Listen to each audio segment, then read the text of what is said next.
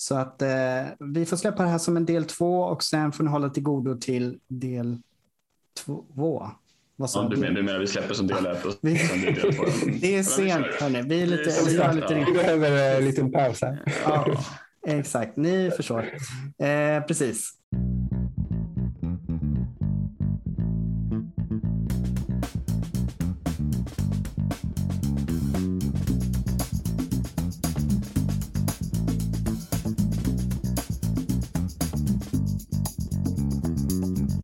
Yes, då är vi tillbaka här på Rehabsnack med ett nytt avsnitt, det första avsnittet på den här säsongen eh, där vi har haft ett sommaruppehåll. Men nu är vi alltså tillbaka igen eh, och eh, jag som pratar nu heter Peter Lindberg, är fysioterapeut och med mig som vanligt så har jag eh, Tim Hustad som är naprapat och Daniel Pantelic som är kiropraktor. Eh, god kväll på er. God kväll. God kväll, god kväll. Ja, och idag då eh, så ska vi diskutera manuell terapi är tanken. Och jag la ju upp på Instagram här en händelse med en omröstning och frågade eh, följarna där om de ville att vi skulle diskutera detta, vilket eh, den största majoriteten tyckte. Och det var ju bra, för det ville vi också, hade vi väl tänkt göra i vilket fall som helst egentligen. Men eh, det är kul att, eh, att eh, ni där ute vill att vi ska prata om det. Ja. Och just eftersom att manuell terapi det är ju alltid ett aktuellt ämne och diskussionsämne inom våra professioner. Så det är många som redan har diskuterat det här, men, men man kan aldrig få för många perspektiv, tänker jag. Eller det kanske man kan, men ja, ni, får, ni får våra perspektiv i alla fall, för vi har inte diskuterat det här ja. ämnet tidigare. Idag, idag får de det bästa perspektivet. Vi får se. det är söndag, söndag kväll. Och, eh, så. Men eh, det blir, nog, det blir nog jättebra. Det blir, ni får säkert ut någonting av det, hoppas vi.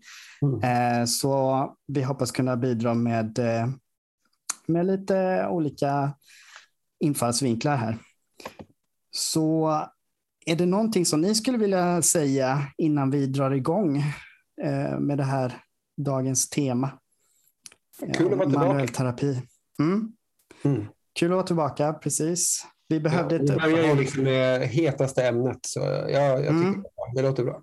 Ja, men det kändes som att det förr eller senare skulle bli någonting om, mm. om detta. Känns det som när vi alla är tre liksom här. Det är väl, ja, tänker jag. Vad ja. tänker du Daniel? Jag tänker att ni verkade väldigt sugna på att ha ämnet så det ska bli kul säger. ja, ja, men jag tycker att det är, det är intressant att diskutera. Jag, jag blir alltid eh, intresserad när diskussionerna uppstår och, och se vad folk tycker och tänker om ämnet. Så att min, min ståndpunkt har liksom förändrats lite över tid kan man säga. Eh, mm. Jag vet inte hur det är för er, men för mig har det gjort så att det har liksom förändrats lete över mm. tiden. Att det gått fram och tillbaka lite så här. Det har gått mycket fram och tillbaka. Ja, så nu är det liksom som mycket annat. Man, eller jag befinner mig lite mer i en gråzon liksom. Mm. Eh, jämfört med tidigare där det kanske var lite mer svart eller vitt. Ja, jag, är, jag har kanske kommit med lite klarhet istället. Okej, okay. ja. ja. då får vi höra. Det ska bli intressant. Mm, så får vi se vad vi, för vi har inte diskuterat det här liksom utöver annars heller. Så mm. jag vet ju inte riktigt var ni står i den här frågan, så det blir också intressant att, att få höra. Ja, jag kan bara säga att jag, jag är ju naprapat och eh, det är ju liksom, manuell terapi är ju liksom vårt signum. Eh, och jag vet att, eller jag misstänker och vet men också en del att ni kanske inte jobbar lika mycket som jag med det. Så att eh, jag, jag har förberett mig på att bli hackad på i den här episoden. Det beror väl lite på, alltså, historiskt sett så har jag jobbat väldigt mycket manuellt. Det börjar ju alltid så. Ja. Så är det. Ja, jag bara. jag, jag räknar med att vi alla har både testat och provat lite grann och vi är, nu, vi är ganska ska man säga, öppna och förståelsefulla alla tre. Så jag, men ja. det ska bli spännande att höra vad ni tycker. Ja, men då låter vi hackandet börja börja. Ja. Köra. Ja, då kör vi igång här och eh, som alltid när vi ska diskutera eller när man ska diskutera eh, ett fenomen eller någonting då är det ju, tycker jag, väldigt bra att man börjar med att försöka definiera vad det är vi egentligen ska prata om så att vi vet att vi pratar om samma sak eh, så det inte blir massa missförstånd och sådär. Så vad är egentligen manuell terapi? Och eh, då kan jag nämna att vi i, den här, i det här avsnittet utgår ifrån en artikel av Chad Cook som kommer finnas i beskrivningen till det här avsnittet som ni kan läsa. Eh, som handlar om just manuell terapi. Och eh, där det är en del påstå åtta påståenden som vi kommer gå igenom och diskutera. Men i den artikeln så finns det eh, taget en eh, definition på manuell terapi, för det kan finnas lite, lite olika. Eh, men den här är tagen från IFOMT, International Federation of Orthopedic eh, Manipulative Physical Therapists.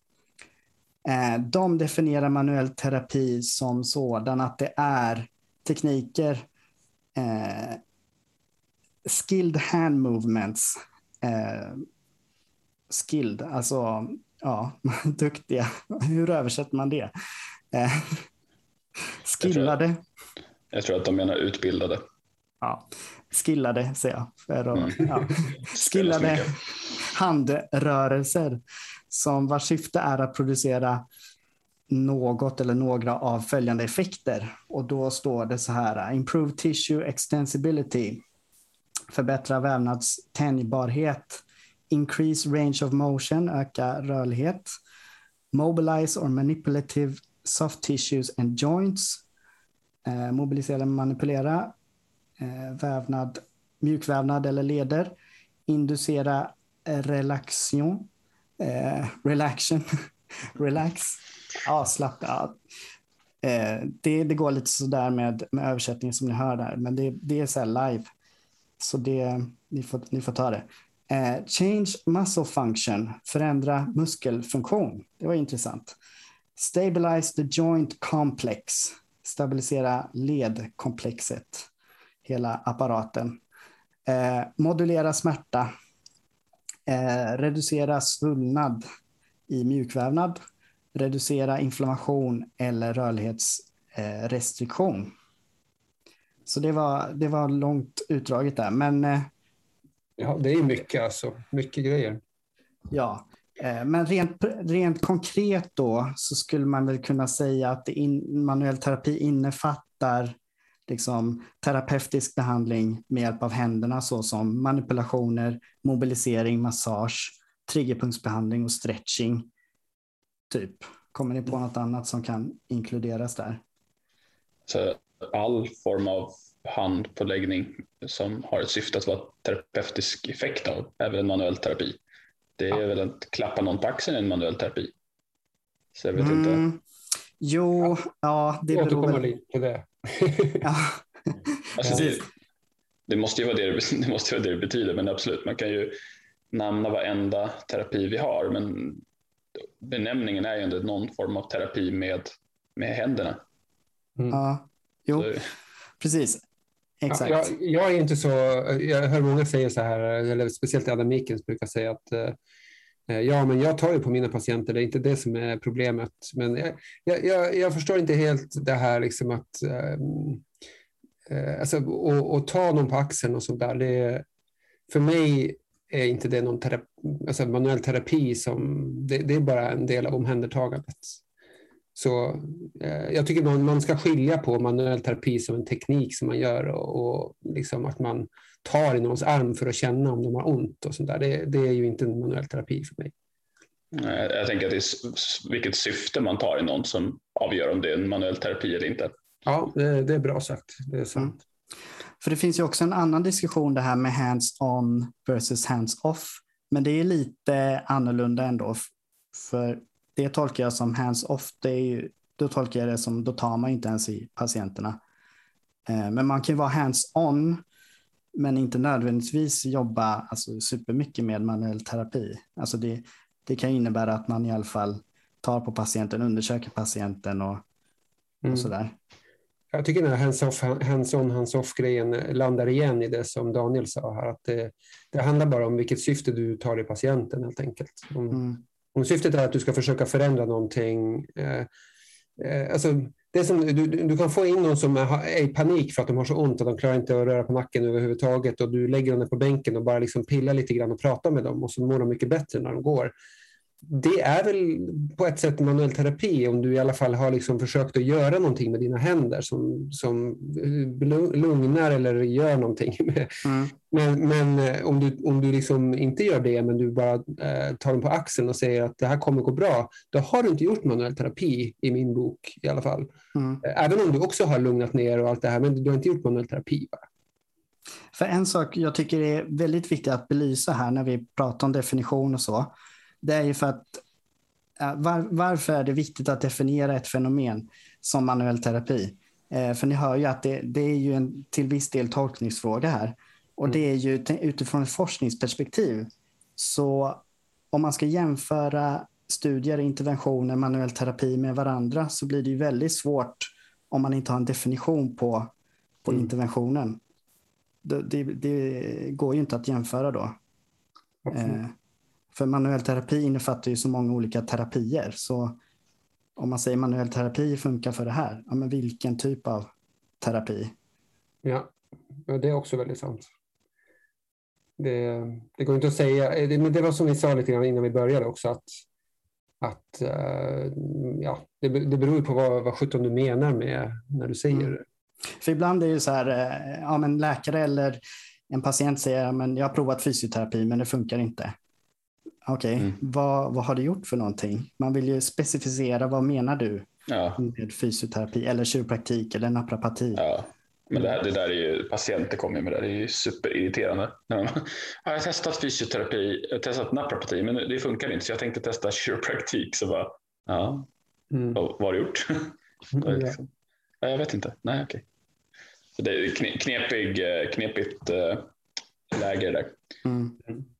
Ja, nej, men vi ska väl inte fastna allt för mycket vid bara definitioner. Det skulle man kunna ha ett helt avsnitt för egentligen. Ja.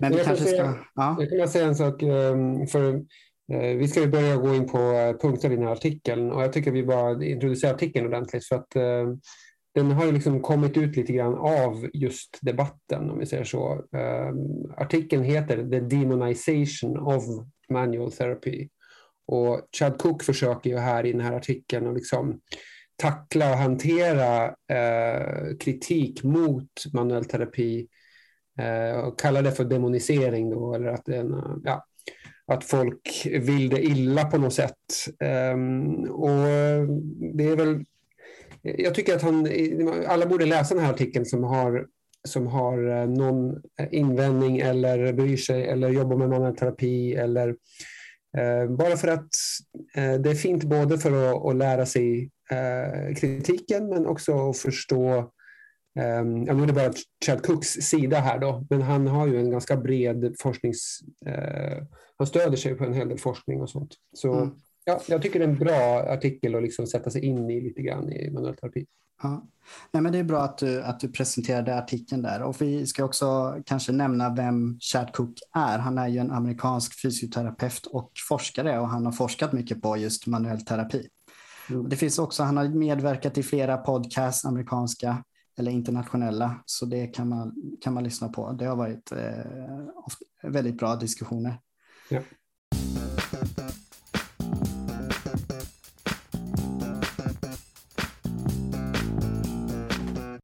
Mm. Men ska mm. vi gå in på första påståendet här då? Mm. Eller första eh, demonization påståendet. Och den lyder så här att påståendet då är att manuell terapi inte skulle ha några specifika effekter. är alltså det första påståendet. Manuell terapi har inga specifika effekter. Det är alltså, det här är påståendena är sammantaget från diskussioner eh, och argument mot manuell terapi. Då. Mm. Mm, vad har ni att säga om att manuell terapi inte skulle ha några specifika effekter?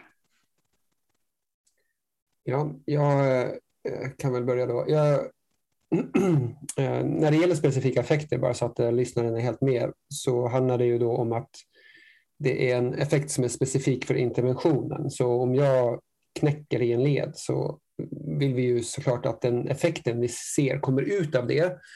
Eh, till exempel en eh, minskad smärta eller en ökad rörlighet eller någonting sånt där är eh, genuin för, för själva interventionen som du har gett. Så knäckningen ledde till den här ökade rörligheten till exempel. Det var inte någon annan ospecifik effekt till exempel som Ehm, ja, det finns ju placeboeffekter eller det finns eh, ospecifika effekter i form av ehm, eh, att man till exempel att man, man betryggar någon med sina ord eller att eh, bara det att komma in i, i, en klinik kan ju ha en ospecifik effekt eller att du pratar med någon som eh, har en utbildning. eh, Eh, som betryggar dig och som säger att det här kommer lösa sig. Titta, nu gör jag det här. Nu kan du röra dig bättre det kan ju skapa, det kan ju göra jättemycket för att någon då upplever sig vara rörligare till exempel. Va, så, så här, men det vi måste skilja på, för det här är viktigt. Det vi måste skilja på då, det är ju eh, vad det eh, vad det kraften som, vi håller oss till manipulation, då, vad, vad det kraften som, som trycktes in mot leden och kavitationen och det här, var det det som ledde till resultatet? Det är det som Precis, var en specifik effekt. Ja. Eh, för det här är lite rörigt, för när jag läste Chad Cooks artikel så jag blev lite förvirrad egentligen. För att eh, en specifik effekt ska ju vara eh, direkt kopplad till interventionen och ehm, eh, det, det, jag, jag, skulle säga att det är nästan omöjligt att avgöra om manuell terapi har specifika effekter, för du kan nästan inte eh, få till att göra manuell terapi utan en person som gör det. Och den personen kommer alltid eh, ha någon form av ospecifik effekt. Så mm. li, lite grann eh, problemet med fysioterapi eller manuell terapi eller vad som helst det vi håller på med är ju det att det går ju nästan inte att ta reda på de specifika effekterna. Är du läkare och håller på med mediciner så är det någonting annat. Eh, då har du liksom placebopiller och du kan ha lite sockerpiller och du har ingen aning om vad du ger eller vad som ges eller vad du får. Så då, då, då kan du liksom maskera, dölja och, och, lura och hålla på. Men det, det går ju knappt. Alltså jag, jag, förstår inte hur man ska kunna göra massage eller manipulation eller stretching eller sådana saker eh, utan att mm. du har Nej, specifika effekter i bilden. Nej, så jag, jag, jag, jag, är, jag är lite, jag, jag, undrar på om det ens går att, att få svar på den frågan. Ja. Mm. Nej, men för att jag la upp, eh, jag la upp en, eh, eller några omröstningar för några veckor sedan om just manuell terapi och manipulationer. Och då, en av dem var eh, vem skulle få bäst patientutfall med en manipulation som behandling för smärta? En robot versus en människa. Eh, och då svarade ju majoriteten människa såklart. Mm. Men just eh, om, om eh, smärtreduktionen och de här symptomlindringen eh, och förbättringarna var till följd av den specifika effekten, det vill säga av just den här manipulationen och kavitationen, då skulle man egentligen få samma resultat av en robot om det är själva manipulationen man vill få till och inte allt det andra. I teorin, ja. Precis. I teorin, precis. Mm. Mm. Eh, men, men i verkligheten så skulle vi ju troligtvis inte få samma resultat.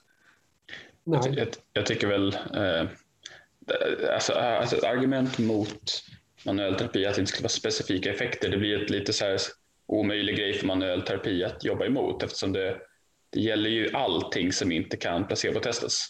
Mm. Alltså, och även mm. placebotestas kan inte utesluta det. Alltså, det finns ju alltid en effekt av placebotabletter Eh, det finns, och det, eh, även om man har gett den aktiva substansen så kan det fortfarande finnas placeboeffekter eh, fast du jämför mot en grupp som har placebo. Och bålstabilitetsträning, eh, vad som helst. Du kan inte utesluta att det finns ospecifika effekter. Mm. Så jag, jag, jag, förstår varför man använder argumentet, men jag tycker att det är ett argument som är väldigt svagt. Alltså det, du kan inte kräva att det här ska ha specifika effekter, att man ska veta. Det, eftersom det är omöjligt så länge man inte, liksom, som Peter säger, behandlar robot.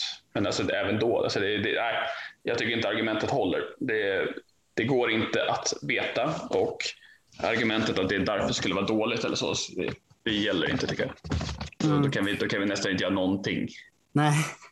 Så att det är inte bara manuell terapi utan du kan egentligen ge mig en valfri behandlingsmetod i, från vilket fält som helst. Och så länge du inte kan till 100% placebo-testa det så kan vi använda det här argumentet. Ja, mm. men träning, hallå. Det är ju ja. hur mycket ospecifika effekter som helst. Ja, men det, det, här är inte ett, jag tycker inte det här är ett argument för emot manuell terapi utan det här är bara ett sätt att få en lätt poäng mot det om man inte gillar det. Ja, det, det håller jag med mm. ja, Men vi går vidare till nästa påstående. Ja, eh, jag tänkte bara säga att jag tänker att den, det här argumentet också hänger ihop med eh, en övertro på vad manuell terapi gör för någonting. Och att det eh, att man... Eh... Fast det blir en annan diskussion. Alltså att det, då handlar det om indikation på vad man gör. Alltså det alltså, varför använder man olika manuella terapier? Vad, är det man gör? Vad, vad utgår man från när man gör behandlingen? Eh, spända muskler, stel led, eh, vad är relevant? Men fortfarande att argumentera mot manuell terapi som helhet med att det inte finns en specifik effekt är väldigt svårt att eh, ha ett motargument för. Då. Alltså det blir svårt att... Det, det, det, det är att ha för höga krav på terapier för att säga att det då är dåligt. Mm. Jag brukar säga så här att om man hade sågat av alla de ospecifika grenarna av manuell terapiträdet så hade det inte gått att klättra särskilt högt. Mm. Det gäller inte bara manuell terapi men egentligen fysioterapi eller någon helst, som helst terapi. Mm.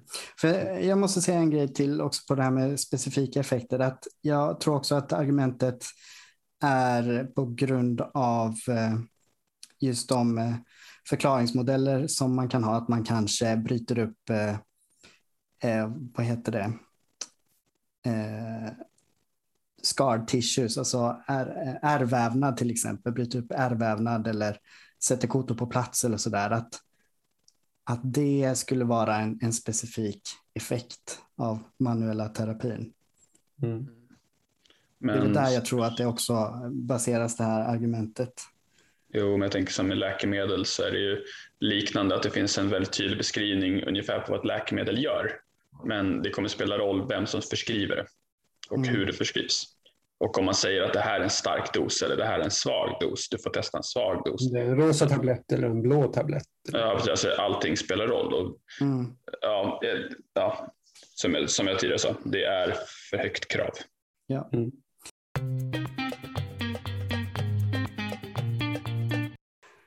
Okej, ska vi ta nästa då? Mm.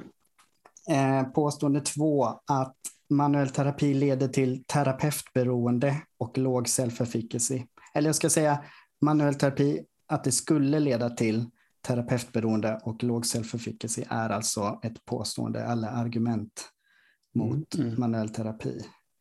Här blir det, tycker jag, samma sak. Eh, man, man gör ett påstående här att, en, att, man, att det finns en förklaringsmodell som terapeuten använder som då skulle leda till det här.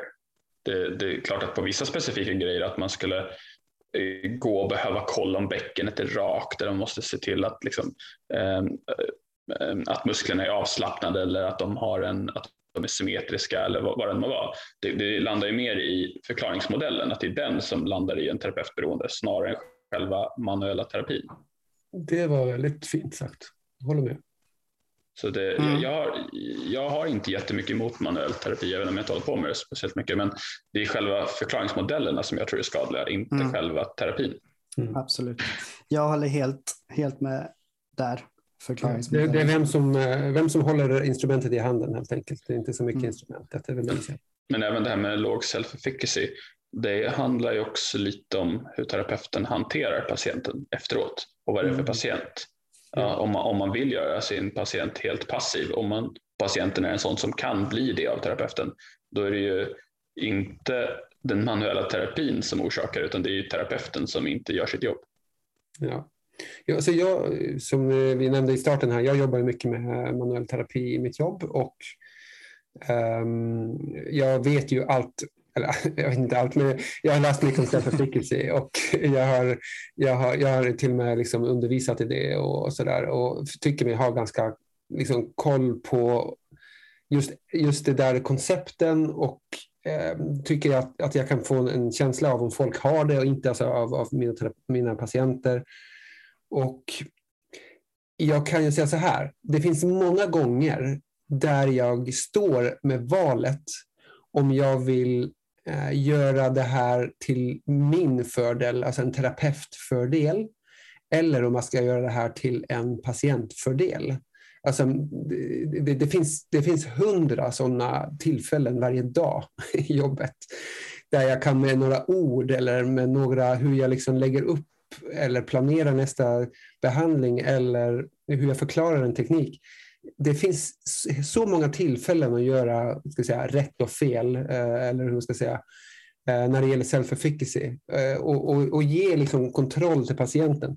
Jag, jag, har jobbat i flera år med att försöka bara ge kontroll till patienten och liksom nästan demoniserat min egen manuell terapi över några år. Och det har ju bara gjort mig sliten och trött i jobbet helt enkelt och inte haft särskilt kul. Så jag måste säga att eh, där jag står idag så, så känner jag nog att self-efficacy igen, det handlar om terapeuten som står, vilken, vem är terapeuten som står med det här verktyget i handen och hur, vilken liksom setting, vilken ehm, förklaring ger man de här grejerna eh, tillsammans med, det, med ja, resten av, av upplägget. Eh, så det är det det handlar om. Det, det, eh, manuell terapi i sig, jag kan inte tro att det Ja, det kan kanske ge hos några vissa patienter sämre self-efficacy, men jag tror att det, det är inte många.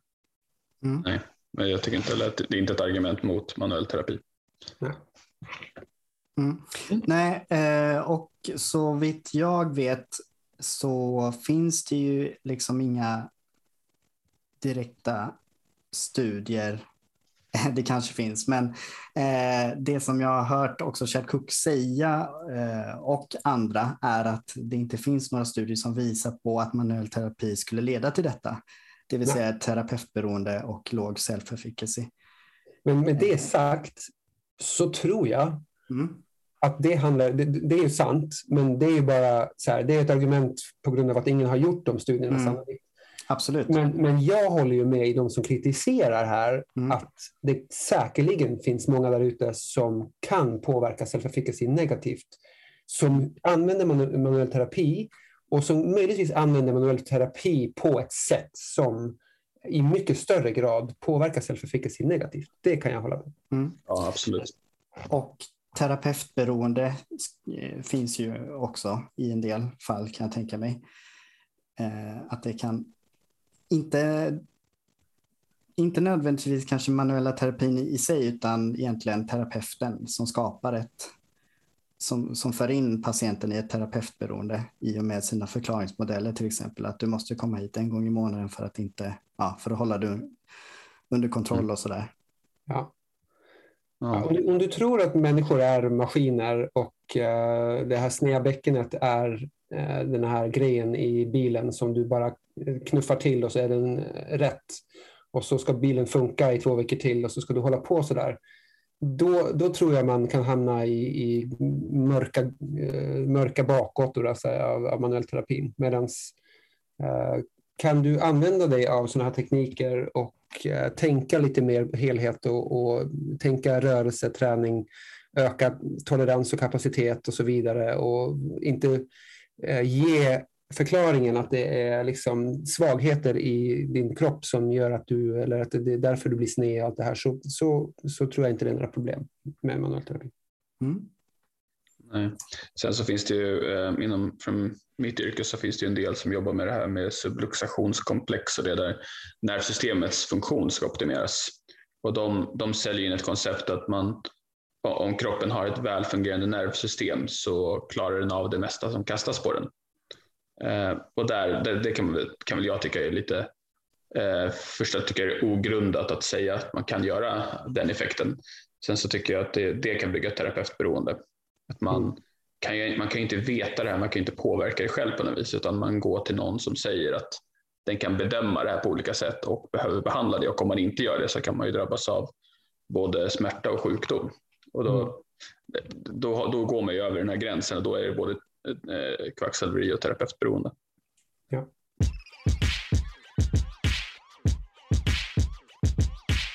Ska vi ta nästa? Ja, påstående tre där. Mm. Eh, det är att manuell terapi endast leder till en kortsiktig effekt som inte påverkar en långsidig förändring. Då. Eller långsiktig förändring. Mm. Eh, kan man säga vad Chad säger i artikeln och det är väl mer att han håller med för det mesta. Så det vill säga att eh, manuell terapi är väl egentligen eh, ganska tydlig i, i, i forskning som har gjorts att det leder framför allt till kortsiktiga eller det, nu minns jag inte vad han kallade det på engelska, men en kort till mellan eh, lång effekt om vi säger så. Eh, och jag tror inte vi ska, vi ska kräva mer av manuell terapi heller. Det är lite grann som smärtstillande tabletter också. Man, man ska inte kräva kanske av dem att de ska lösa saker på lång sikt. Um, ja, jag tror att uh, Chad landar rätt i sin konklusion. Mm. Ja, jag håller också med om det. Jag tror att det är svårt. De som håller på med manuell terapi gör det av olika anledningar, men ibland om man, om man har syftet är att man ska påverka vävnad, alltså ledrörlighet, eh, ihållande eller att det har varit en låsning, eh, att det är triggerpunkter, att muskler kan bli längre och allt det där, då, då vet vi egentligen att det inte kan bli det. Eh, det, det, här, det här har man ju tittat på noggrant. Vi, vi har många ospecifika effekter. Det finns en kortsiktig effekt på smärta och upplevd stelhet och liknande. Men att det skulle påverka någon vävnad lång, eh, längre fram, det, det gör det helt enkelt inte. Mm. Sen finns det de manuella terapeuterna som inte har syftat till att påverka eh, vävnad utan de egentligen bara syftar till att reducera smärtan som patienten söker med där och då. Eh, och då har det ju, alltså argumentet mot manuell terapi håller inte då heller. Om, om syftet inte är att påverka långsiktigt utan det är att hjälpa någon i stunden så är inte det här ett argument mot manuell terapi utan det är bara ett argument mot att påstå att det skulle ha en effekt på vävnad på längre sikt. Ja, jag, tror, bara säga, jag tror att det här argumentet kommer ifrån att man ställer det mot till exempel träning. Så träning, det vill man ju ska ge en långsiktig effekt. Man vill ju gärna lägga tid på det som, som löser saker på lång sikt.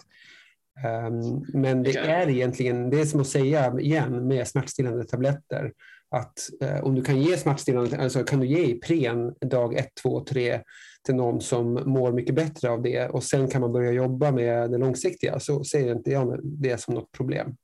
Men det där är också en, det, det du nämnde där är också, det, det har inte så mycket manuell terapi att göra, men de här påståenden att om du tränar, att du då skulle ha en specifik effekt mot sökorsaken, så att du har ont i ryggen och om du tränar ryggen så blir din rygg stark och därför kommer du inte ha ont i ryggen. Det är ju inte heller korrekt. Man kan ju vara svag i ryggen och inte ha ont och man kan vara stark i ryggen och ha jätteont. Mm. Det, det, blir liksom inte, när man väger dem mot varandra så blir inte det heller rätt. Utan, eh, manuell terapi ska ju helst syfta till att ha en kortsiktig effekt som gagnar patienten i samråd med patienten. Eh, och att jämföra dem, okej, okay, det blir en vävnadsförändring av träning. Ja, det blir en vävnadsförändring av träning. Men har det med sökorsaken att göra? Kan vi säga till någon att om du bara börjar träna din rygg så kommer allting bli eh, frid och fröjd? Blir det rätt? Så man, man behöver, om man nu ska argumentera för eller mot manuell terapi eh, gällande det här med kortsiktig och långsiktig effekt så tycker jag att eh, det har igen då med vad man påstår eh, och det ska vara kopplat till vad patienten söker för. Mm. Mm. Man skulle ju kunna argumentera för att manuell terapi skulle vara en del av rehabiliteringen som leder till en långsiktig effekt eh, som en komponent. Eller att manuell terapi eh, används som, för att skapa en window of opportunity. Eh, mm. Jag funderar på om vi... Då känns det som att man tar mycket halmstrån där för att man greppar efter halmstrån för att argumentera för manuell terapi. Då. Ja. Jag tycker inte det behöver vara så mycket mer än, än att man, man vill få någon att ha mindre ont eller känna sig mindre stel för stunden. Nej, jag, jag, jag håller det helt med. Jag, jag, satt, och, jag satt och, och, grävde i mitt huvud efter det här innan vi skulle börja idag liksom med, med window of opportunity. För, det, eh, för ett par år sedan, för sist jag liksom var inne i den diskussionen, så, så tyckte jag liksom att det var något form av argument som jag höll med i. Men idag så tycker jag inte det argumentet egentligen behövs längre. Jag, jag, I mitt huvud så behöver jag inte ursäkta mig med det jag gör med att säga att det skapar en möjlighet för någon förändring det skapar en förändring på kort sikt. Jag, jag använder det som det helt enkelt. Mm. Ja. Jag tycker också att det, det, det är många Nej, om, man har, om man får in en patient och jag som inte jobbar mycket manuellt, men den har väldigt ont och den har haft god effekt av, av valfri terapi innan. Vi vet att det finns en god effekt hos den här patienten med det här.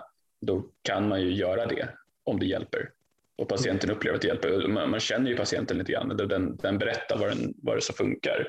Sen vad man följer upp det med eller vilka förklaringsmodeller man använder, det avgör ju hur det kommer funka på det långa, eh, långa perspektivet. Men ja. inte, jag tycker igen, som du sa, det, det, varför komplicera, komplicera det så mycket? Mm. Ja, ja. Mm. Du då Peter, vad tycker du om ja, det här? Ja, nej, men jag, jag tänker att mycket av det vi diskuterar nu eh, återkommer till liknande saker och det kommer vi till i slutet också. Men att det eh, just gällande den här punkten eh, och det som ni sa att eh, varför ska man komplicera det så mycket och inte se det med bara att det, det kan ge en kortsiktig smärtlindring och det är okej. Okay. För jag tänker att där handlar det mycket om hur man konceptualiserar smärta och rehabilitering och vad, som, vad man ska göra, vad man ger för förklaringsmodell och sådär. Mm. Och det hänger mm. ihop med det som vi tidigare har tagit upp egentligen, att det hänger mycket på terapeuten och vad, hur den konceptualiserar hela grejen med, med smärta och varför de har ont och vad som kan hjälpa. Mm. Ja, och det, det är ju alltid patientberoende också, alltså vilken patient man har framför sig. Det, det finns ju patienter som söker mig där det står liksom att eh, jag har flyttat till min ort och nu eh, vill jag ha en chiropractor där jag är. Och då kan man kolla i journalen, det, liksom det, det är bara specifika eh, kotor som har behandlats i journalen. Eh, och då kanske att fortsätta på det för att det funkar hos patienten kanske inte heller är helt rätt, utan någon måste ju ta tag i det och kanske göra något annat. För det har, inte, det har uppenbarligen inte fungerat för patienten. Den fortsätter ju, den är nöjd, men den har inte blivit bättre. Mm. Eh, så det, ja, det ska ju användas på rätt patienter. Mm. Mm.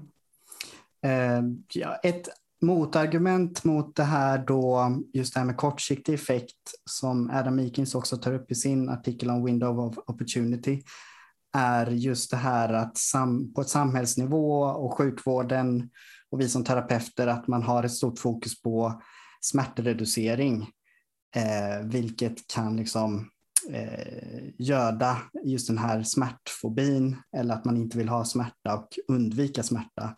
Så eh, ibland kanske man inte alltid måste hitta en kortsiktig som har en kortsiktig effekt på smärtan utan att det kan vara okej. Okay. Eh, speciellt om det är liksom ett, ett, ett, eh, en god prognos där, där man tror att smärtan kommer att gå över av sig själv i alla fall. Ja, det är det här high value, low value care.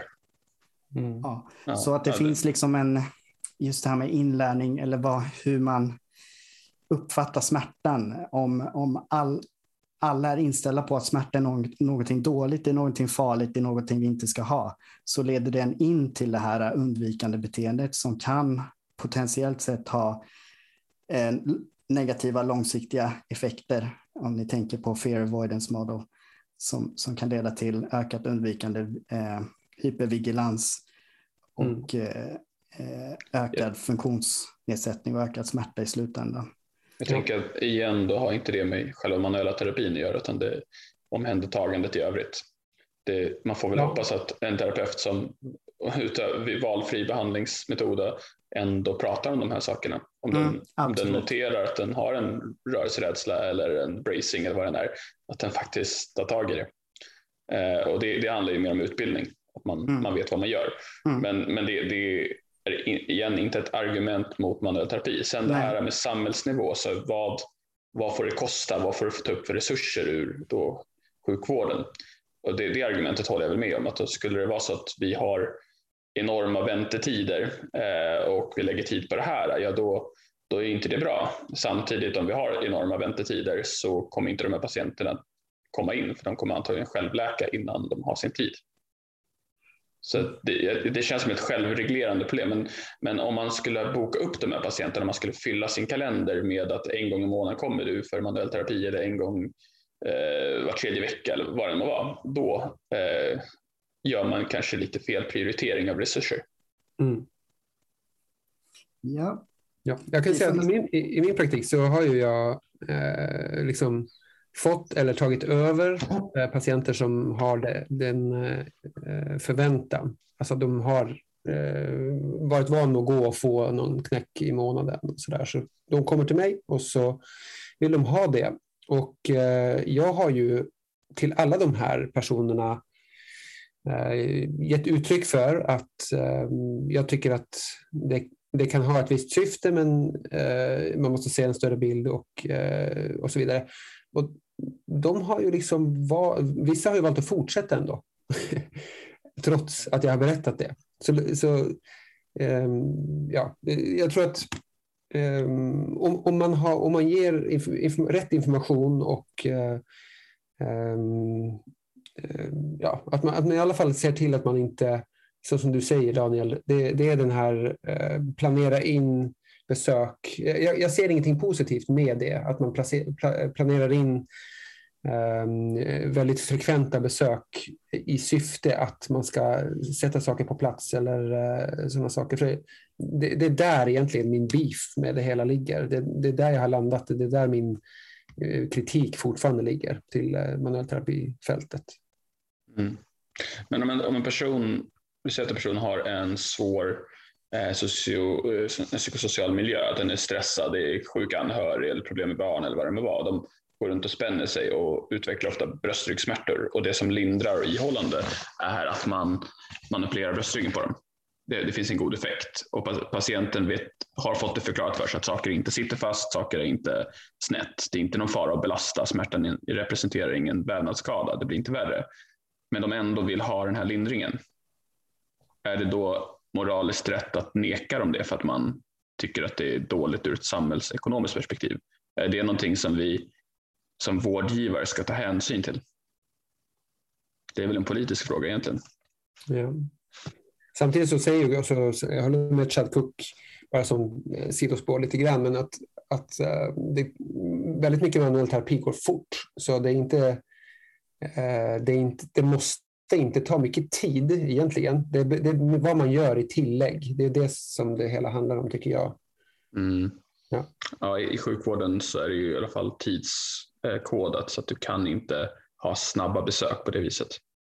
Det, det, det är inte ekonomiskt försvarbart att boka in snabba besök utan det, besöken har sin längd och en person som söker för det här kommer ta upp en plats för någon som söker för till exempel en fraktur. Mm. Så att det, man måste ju väga eh, dem mot varandra. Men okay. jag, jag, jag, kan inte säga att det dräller in patienter med liksom behov som inte kan vänta en dag mm. eller två dagar, utan det, det, finns väntetider. Och jag tycker inte att manuell terapi är viktigt. Jag tycker inte att det behöver göras. Men jag, jag ser inte att det är så illa att det skulle påverka på en samhällsnivå. Nej. Och jag, jag, tror inte heller att det här argumentet att det skulle bygga upp en massa rädslor och problem, det, det har inte med själva terapin att göra utan terapeuten snarare.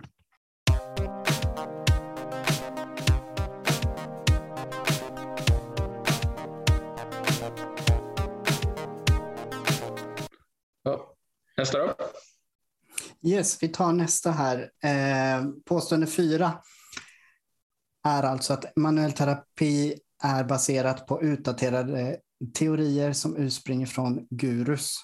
Och där skriver Cook själv att eh, det är för det mesta sant. Att det, att det i grunden baseras på, på det. Mm. Eh, jag vet inte om det är så mycket att diskutera här egentligen. Vad säger ni? Jag tror att det mesta startade så, men eftersom det har funnits längre och folk lär sig tänka mer kritiskt och vi blir bättre och bättre på att forska på de här områdena så är inte det ett argument mot, alltså hur saker startade är inte ett argument emot att använda det nu. Nej, precis. Det har ju förändrats hur man ser på det och hur man, vad man använder för förklaringsmodeller. Eh, men tyvärr så lever det väl fortfarande kvar en del gamla eh, teorier som inte stämmer. Ja, fortfarande. Ja. Så det är väl det som är problemet. Ja, Chad säger i, artikeln att eh, det, det första han säger i, som svar på det är att det här är ju tyvärr då sant på ett sätt. Alltså det, det Eh, mycket av det som finns eller som kanske används eller, eller de här sätten att använda eh, manuell terapi på kan absolut vara baserade på utdaterade, utdaterade teorier. Så det kanske i praktiken många som jobbar utifrån utdaterade teori, teorier och därmed så kan man ju kritisera det. Ehm, men jag tycker som det mesta vi har pratat om hittills att du kan inte kritisera manuell terapi i sig på att uh, det är baserat på utdaterade teorier. För det, man kan säga att man kan jobba med manuell terapi idag på ett eh, uppdaterat och eh, ja, forskningsbaserat sätt också. Mm. Absolut. Yes, ska vi ta nästa eller? Mm. Ja, kan vi göra. Mm. Påstående fem då. Manuella terapeuter saknar färdigheter i kommunikation, reassurance och empati. Reassurance försäkran. Jag tycker inte det finns riktigt något bra svensk översättning på det. Betryggande, kan man säga det? Ja, det har vi nog ja precis. Betryggande. Det, ja. Eh, mm. ja, manuella terapeuter saknar färdigheter i kommunikation, reassurance och empati. Mm. Det är inget argument. Det är bara ett slag i luften det betyder, alltså det, det, är så, det är så märkligt påstående så jag vet inte vad jag ska riktigt säga. Varför skulle manuella terapeuter sakna dessa färdigheter? Det, det är det de övar på hela dagarna. Ja. Det, de försöker lindra folks besvär och tänka sig in i situationen. Det är empatiskt. De förhoppningsvis är lugnande och eh, tar ett ansvar om patienten och de försöker väl så gott det går prata med patienten och få fram sitt budskap. Så det, ja. Sen vad man gör med de grejerna, som, vilka behandlingsmetoder man använder, vilka förklaringsmodeller man använder, det, det har igen inte det är det som avgör om det är bra eller dåligt, men att de skulle sakna dessa färdigheter, det är inte ett bra argument. Nej. Alltså... Jag tycker bara det, det är så dumt. Ja, ja jag tror... Ja, nej, säg du Tim. Nej, jag, jag, tror kanske att egentligen så kommer väl det här argumentet också utifrån Eh, diskussion, mycket så nätdiskussioner och man har en, en, en, upplevelse av känsla av att det är så här.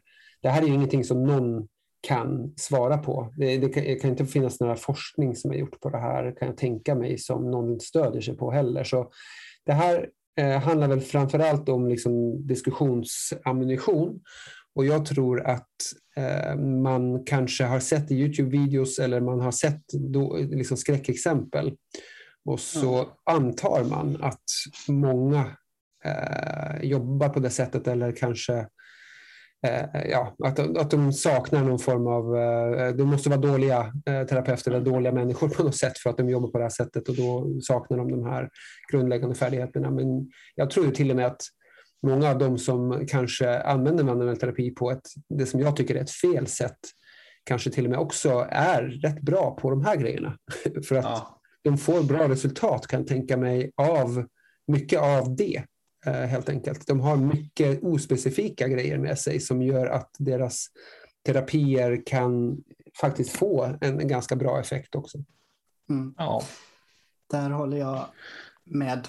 Jag tror, jag tror också att, eh, alltså min uppfattning är att terapeuter överlag, inklusive manuella terapeuter, men eh, ja, alla terapeuter, de som är bäst, det är de som har goda färdigheter i kommunikation, eh, reassurance och empati. Eh, så det skulle in, innefatta manuella terapeuter också såklart. Då. Eh, eh så att, eh, mm, nej men jag tror, jag tror väl att det här eh, hänger ihop med eh, vad man har för förutfattade meningar och det man ser i, i, sociala medier och att man tänker att manuell terapi, att det går snabbt. Att man, man nippar liksom 5-10 minuter och sen släpper man patienten. Att det, det, det hänger ihop med tidsaspekten där också. Att hinner man då kommunicera med en patient? Det finns ju, det finns ju inom kiropraktiken, det säkert inom andra också, men då finns det sådana här open room treatments och sånt där man har liksom fem bänkar i ett rum och man går in och så kör man liksom allihopa Mm. Då, då, då faller ju allt det här. Samtidigt om du, jag hade en lärare en gång från Nya Zeeland tror jag, han var föreläste. Han hade haft som mest 120 patienter på en dag. Och det, då, det säger sig självt att kommunikation, empati och betryggande, alltså, det, det, det funkar inte i det. Mm. Så ja, på det viset så kanske argumentet håller, men, men det är för de här specifika tokstollarna, inte mm. för manuella terapeuter överlag. Mm. Ja, ja hörni, eh, som lite misstänkt här så, så blir det ju väldigt intressanta diskussioner som, och tiden går snabbt när man har roligt och diskuterar. Så jag tänker att vi kanske får bryta här för idag och dela in det här kanske i två delar, fortsätta vid ett annat tillfälle.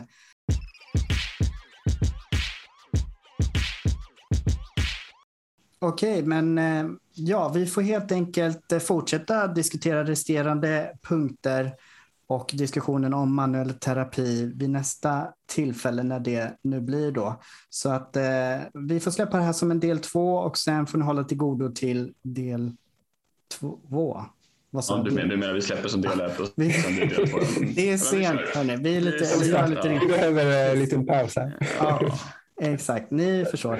Eh, precis. Ja, men det blir väl bra. Så vi, vi ses nästa gång helt enkelt. Ja, vi ses. Ha det så bra. Yes. Kväll, kväll. Hej då. Hej.